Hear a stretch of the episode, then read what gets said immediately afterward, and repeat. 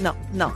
El viernes, el viernes quedan los negocios de la calle Avellaneda en Flores, ¿eh? Eso es lo último que le va quedando a la ciudad que lentamente, pero se viene abriendo casi todo. Faltan, por supuesto, los shopping, faltan los gimnasios, la construcción, que va a tardar mucho, y el tema empleadas en casas, de, en casas particulares. Todo eso va quedando para más adelante, pero por lo demás, confiado en que la curva de la ciudad ya está mirando, yendo hacia abajo, la reta pone un poquito el pie en el acelerador en las aperturas de la ciudad, mientras que la situación está más compleja en el conurbano y sobre todo ¿no? en todo el sistema de salud del área metropolitana al 68% de ocupación.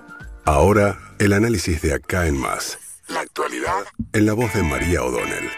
Bueno, ayer Mauricio Macri en un Zoom con eh, los dirigentes de la oposición celebrando la marcha, lo hizo explícitamente por un tuit. Charlábamos hace un ratito con Hugo Alconada Amón, muy alentado también Macri en su postura eh, más este, eh, radicalizada de oposición al gobierno porque está convencido Mauricio Macri que Cristina Kirchner se va a vengar de él. Él cree que Cristina Kirchner está convencida, eh, cosa que Cristina ha dicho muchas veces, que ella sufrió una persecución judicial ordenada por Macri, que eh, fue tan inescrupuloso que se metió incluso con su hija y que le causó un daño de salud irreparable a Florencia Kirchner que pasó todos esos meses que sabemos en Cuba.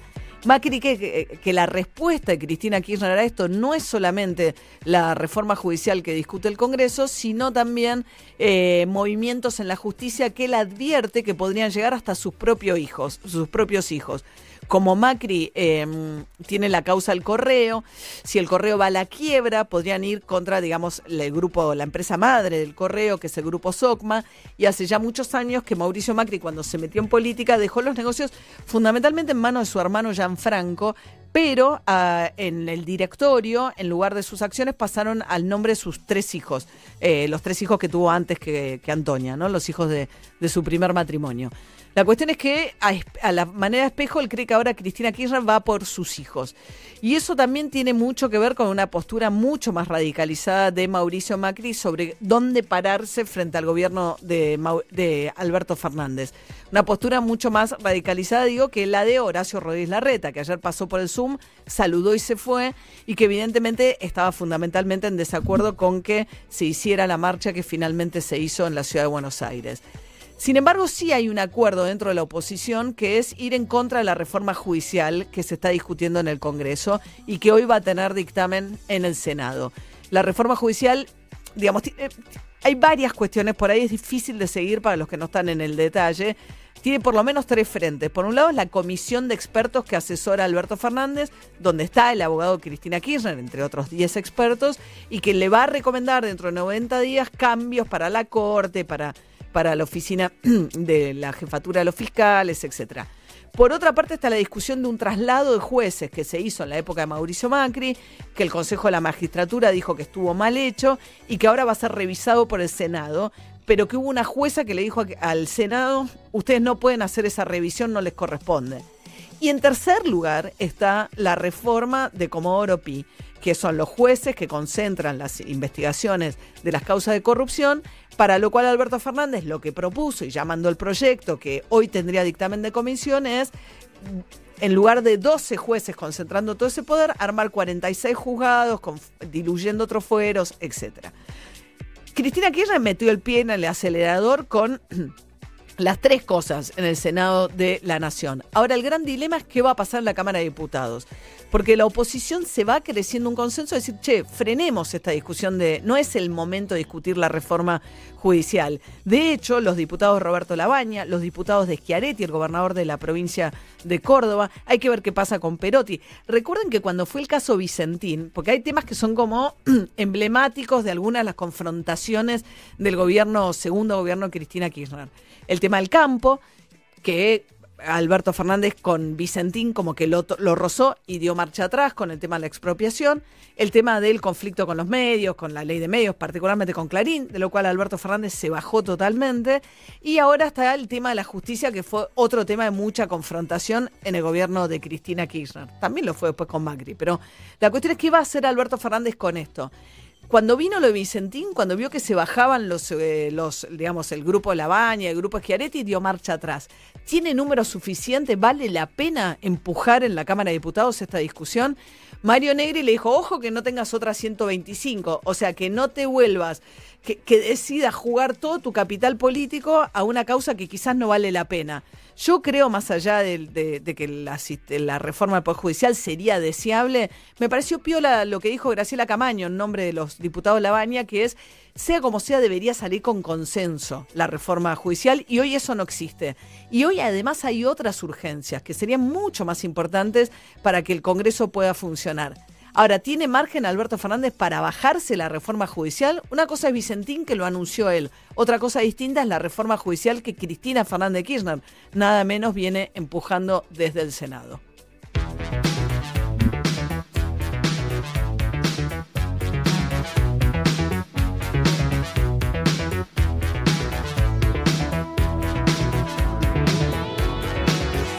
Sigamos conectados. La radio es tu casa. Metro 95.1. Estamos con vos.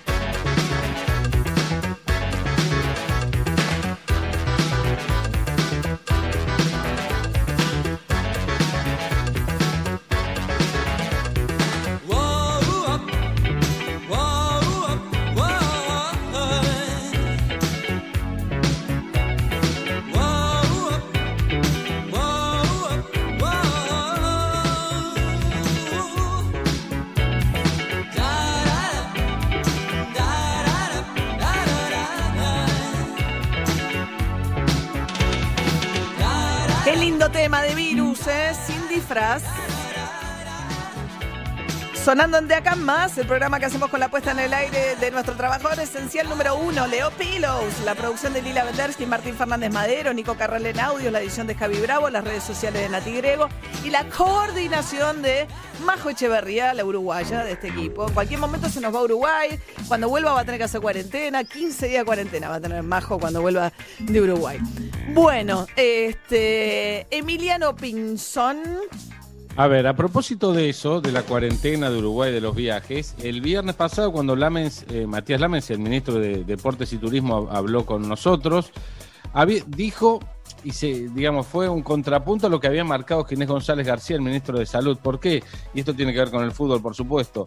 Porque parecía que estaba todo encaminado a aceptar el protocolo de Conmebol. El protocolo de Conmebol para Copa Libertadores indicaba que había como una especie de pasillo sanitario, de burbuja sanitaria de 72 horas, en donde cualquier equipo que viajara, habló de la Argentina, hacia, hacia cualquier otro país de Sudamérica, o cualquiera que viniera a jugar, no hacía cuarentena, ni a la ida ni a la vuelta, y que había como 72 horas de burbuja, ¿no? Que podían hacer de todo, lo llevaban a un hotel, de ahí en micro a la cancha, etcétera. Bueno, Lames lo dijo en nuestro programa que no estaba aprobado todavía. Y hasta hoy continúa de esa manera. Eh, y lo mismo ocurre con tres países más, Colombia, Chile y Uruguay. Además de Argentina, ninguno de los cuatro países ha aprobado todavía este protocolo. O sea que, los equipos están entrenando, pero no saben si van a poder jugar, los cinco que van a la que están en la Libertadores. En este momento no está aprobado. como te lo dijo Matías Lames el otro día, yo ayer hice algunas eh, charlas vía WhatsApp y me dijeron que todavía no está eh, oficializado. El tema es que Conmebol había puesto mañana jueves como día final, o sea, Mañana tendrán que estar aprobados todos los protocolos. Y hay cuatro países de 10 de Sudamérica que aún no lo han aprobado. Hay reuniones, sé que hay una reunión hoy importante para ver si esto sucede. Y habrá que ver si no te da Conmebol un plazo más para poder seguir trabajando en eso. Pero así está la situación hoy. Los equipos que, eh, todos los equipos que participan en la Copa aún no se puede asegurar que puedan participar en el torneo porque no está aprobado el protocolo este de la burbuja sanitaria internacional, digamos. Bien, eh, hablando de cuestiones internacionales, hay un atentado en Berlín. Eh, hay eh, en realidad lo que aparecía primeramente como un choque múltiple de autos, ahora aparece, las autoridades lo están señalando como un atentado, cerrar uno de los principales accesos a la capital Alemania, alemana, perdón. Este, así que bueno, enseguida les vamos a ampliar. Juli. Bueno, y seguimos con algo internacional, porque te voy a hablar de otra vacuna, en este caso una vacuna china. Ayer la empresa Sinopharm, es una empresa estatal, anunció que en diciembre podría tener lista su vacuna, que son dos dosis que va a salir 145 dólares aproximadamente y que se, eh, digamos, que si bien están por arrancar con su fase 3, esta fase que evalúa la vacuna en miles de personas. Bueno, ya confían mucho en la fase 1 y la fase 2, que les dio mucha seguridad, que crearon anticuerpos, pero se hicieron pruebas en 320 personas, una muestra bastante acotada. Hay que ver cómo les va en esto. ¿Por qué nos interesa especialmente esta vacuna? Según trascendió, eh, el gobierno argentino estaría en conversaciones eh, con el gobierno chino, te recuerdo, una empresa estatal es la que la está produciendo, para que acá en nuestro país se hicieran parte de esas pruebas de fase 3, como se está haciendo ya en el hospital militar con la vacuna que desarrolla el laboratorio Pfizer, que se está probando. Eh, bueno, otra posibilidad sería también probar esta vacuna china. Recordemos que en su momento el ministro de Salud, eh, Ginés González García, había dicho que iban a hacer todos los intentos posibles por tener la vacuna lo más cerca que se pueda, para que sea, para que sea barata, para que sea accesible. Bueno, recordemos también que los acuerdos no implican que sí o sí tengas la vacuna más barata o que sí o sí tengas mayor acceso. De hecho, con Pfizer todavía eso no está confirmado. No, no, Y, este, y la vacuna china es muy cara con relación al costo de la vacuna de AstraZeneca, ¿no? Que es entre 3 y 4 dólares. Exactamente. La china sale más de 100 dólares cada dosis. casi 150, 145, sí. Sí, sí, es muchísimo más cara, 100 veces más cara, porque son dos dosis. Eh, así que, bueno, pero hay que ver si eh, que, si esto genera algún tipo de, beneficio. Y por otro lado, bien cortito, la Organización Mundial de la Salud volvió a hacer énfasis en que los jóvenes de entre 20 y 40 años son los que están generando que la pandemia no frene a través de sus salidas sociales, sus reuniones, son vector de contagio mm, padecen síntomas muy leves o directamente son asintomáticos, pero ponen en riesgo a el resto de la población, con lo cual lo que está advirtiendo la Organización Mundial de la Salud es que tengan cuidado esos grupos a la hora de juntarse y demás, porque bueno, pueden ser, como decimos, un vector de contagio. Mucho énfasis en eso. Bien, y ayer la Convención Demócrata, que está funcionando obviamente con muchas limitaciones en los Estados Unidos, es el momento en el cual los dos grandes partidos, los republicanos y los demócratas, cuando llega a esta instancia, el 3 de noviembre son las elecciones en Estados Unidos, formalmente nominan al candidato eh, con su candidata vicepresidenta, que en este caso es la senadora por California, Kamala Harris. Viene muy muy eh, complicada la elección en Estados Unidos, sobre todo porque por primera vez se enfrentan a la posibilidad de que si Donald Trump fuese derrotado, no acepte el resultado de la elección. El propio Trump hablando de la posibilidad de un fraude, él que es el actual presidente, poniendo en duda la posibilidad del voto por correo, algo que seguramente va a convocar mucha gente porque por lo que está pasando con el coronavirus, por lo cual es una elección tremendamente atípica, muy polarizada, dijo Donald Trump que votar a Joe Biden es convertir a Estados Unidos en Venezuela y ahora habla con Dios, Donald Trump. Escucha las cosas que le dice Dios a Donald Trump. Hicimos la economía, construimos la economía más importante de la historia mundial. Lo vamos a hacer de vuelta. ¿Saben lo que es eso? Eh, eso es Dios que me está poniendo a prueba. Me dijo, ¿sabes lo que me dijo? Lo hiciste re bien, Donald. Y ahora lo vas a tener que hacer de vuelta. Esto le dice Dios a Donald. Y le dije, está bien, ok, ok, está bien, estoy de acuerdo. Yo, yo ya lo hice y ahora lo estoy haciendo de vuelta. Sí. Espectacular. Línea directa con Dios tiene Donald, ¿entendés? Más que el Papa, tiene más poder que el Papa. yo creía que el teléfono de Dios lo tenía Carlos Bianchi, pero parece que Donald Trump también lo tiene. el celular, el celular tenía. El teléfono de línea lo tiene Donald.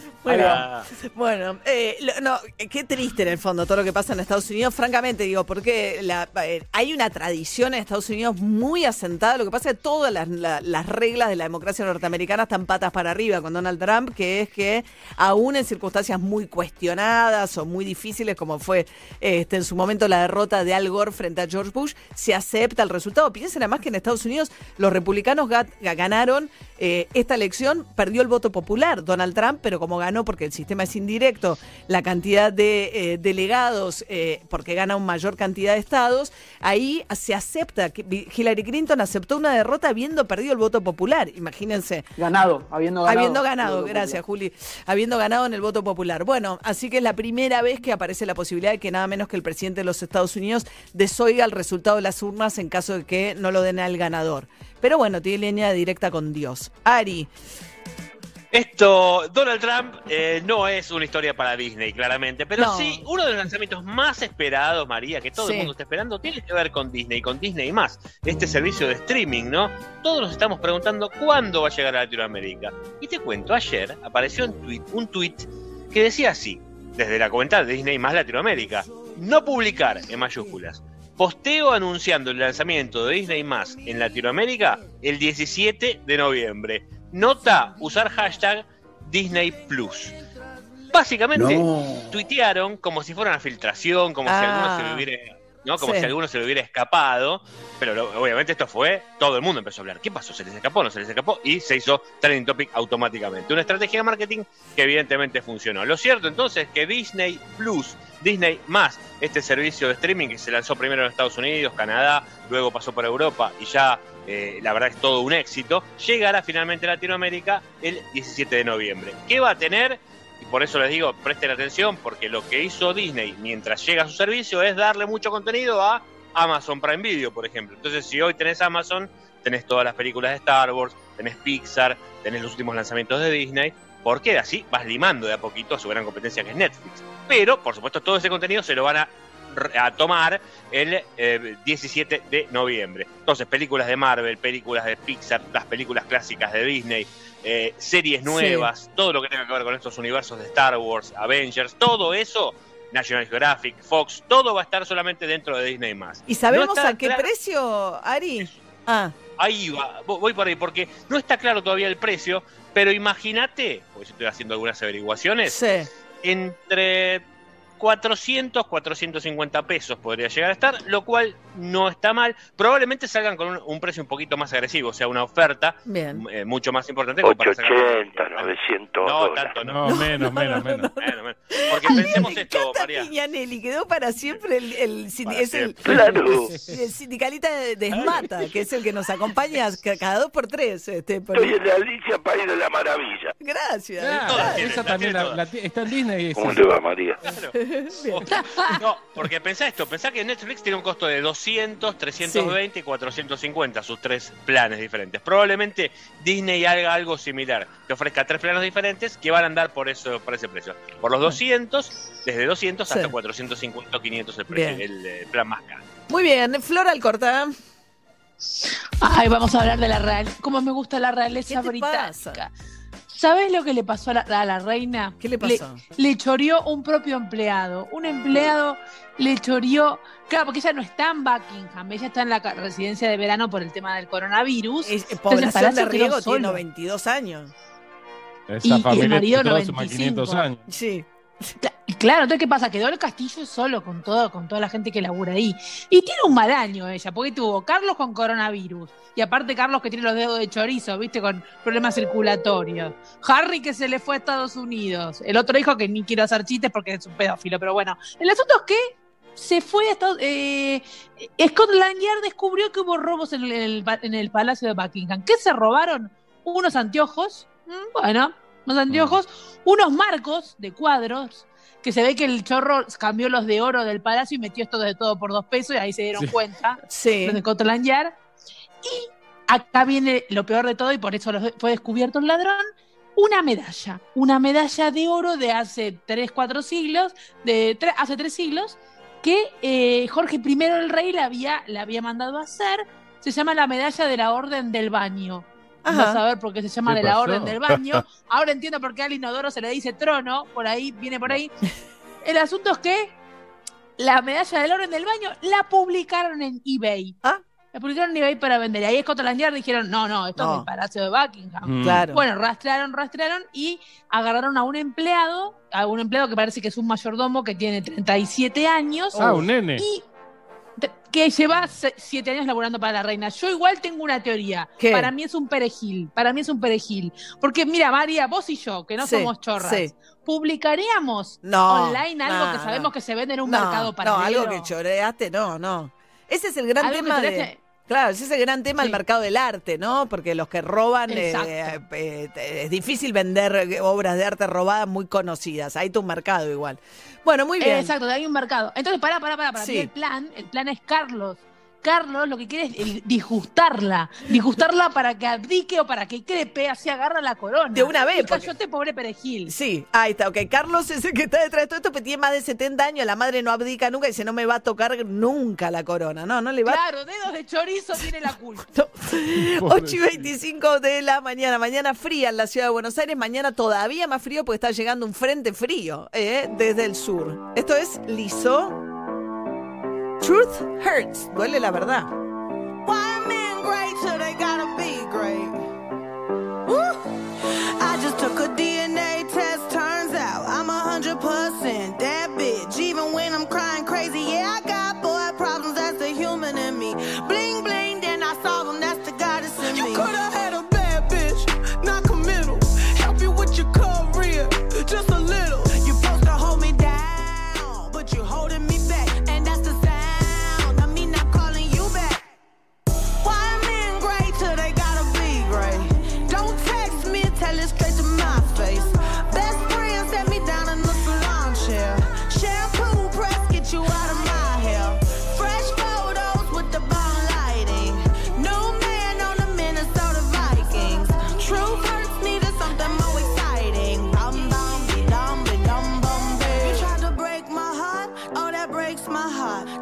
Thought you ever had it, no you ain't from the start. Hey, I'm glad you're back with your bitch. I mean, who would wanna hide this? I will never, ever, ever, ever, ever be your side chick. I put the singing single, ain't worried about a ring on my finger, so you can tell your friend.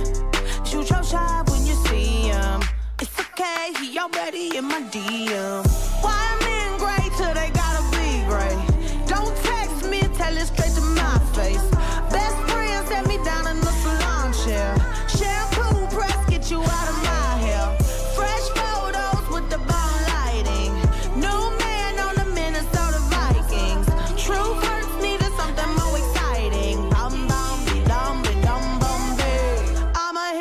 Back and I'm in it. I don't play tag, bitch, I've been it. We don't fuck with lies, we don't do goodbyes. We just keep it pushing like aye, aye, aye. I'ma hit you back I'm in it. I don't play tag, bitch, been there. We don't fuck with lies, we don't do goodbyes. We just keep it pushing like aye, aye, aye.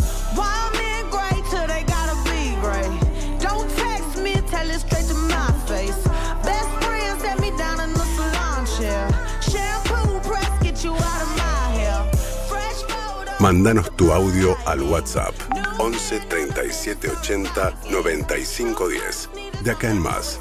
Buen día María, por fin, por fin sabemos cuándo desembarca Disney a Latinoamérica. Gracias, gracias Mirá. a quien corresponde. Mirá, hay gente esperando el desembarco, ¿eh? Al señor Ari Hergot es quien corresponde en este caso, ¿no? Perfecto.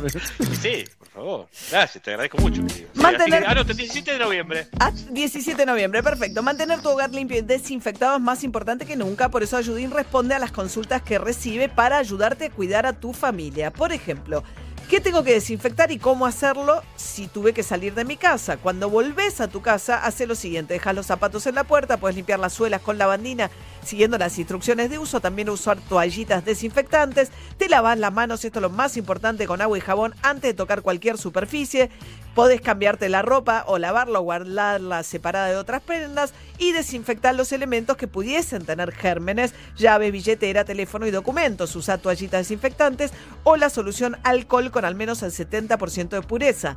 Si tenés más preguntas, las puedes enviar a Facebook a través de Facebook a Ayudín Argentina. Al virus le ganamos entre todos.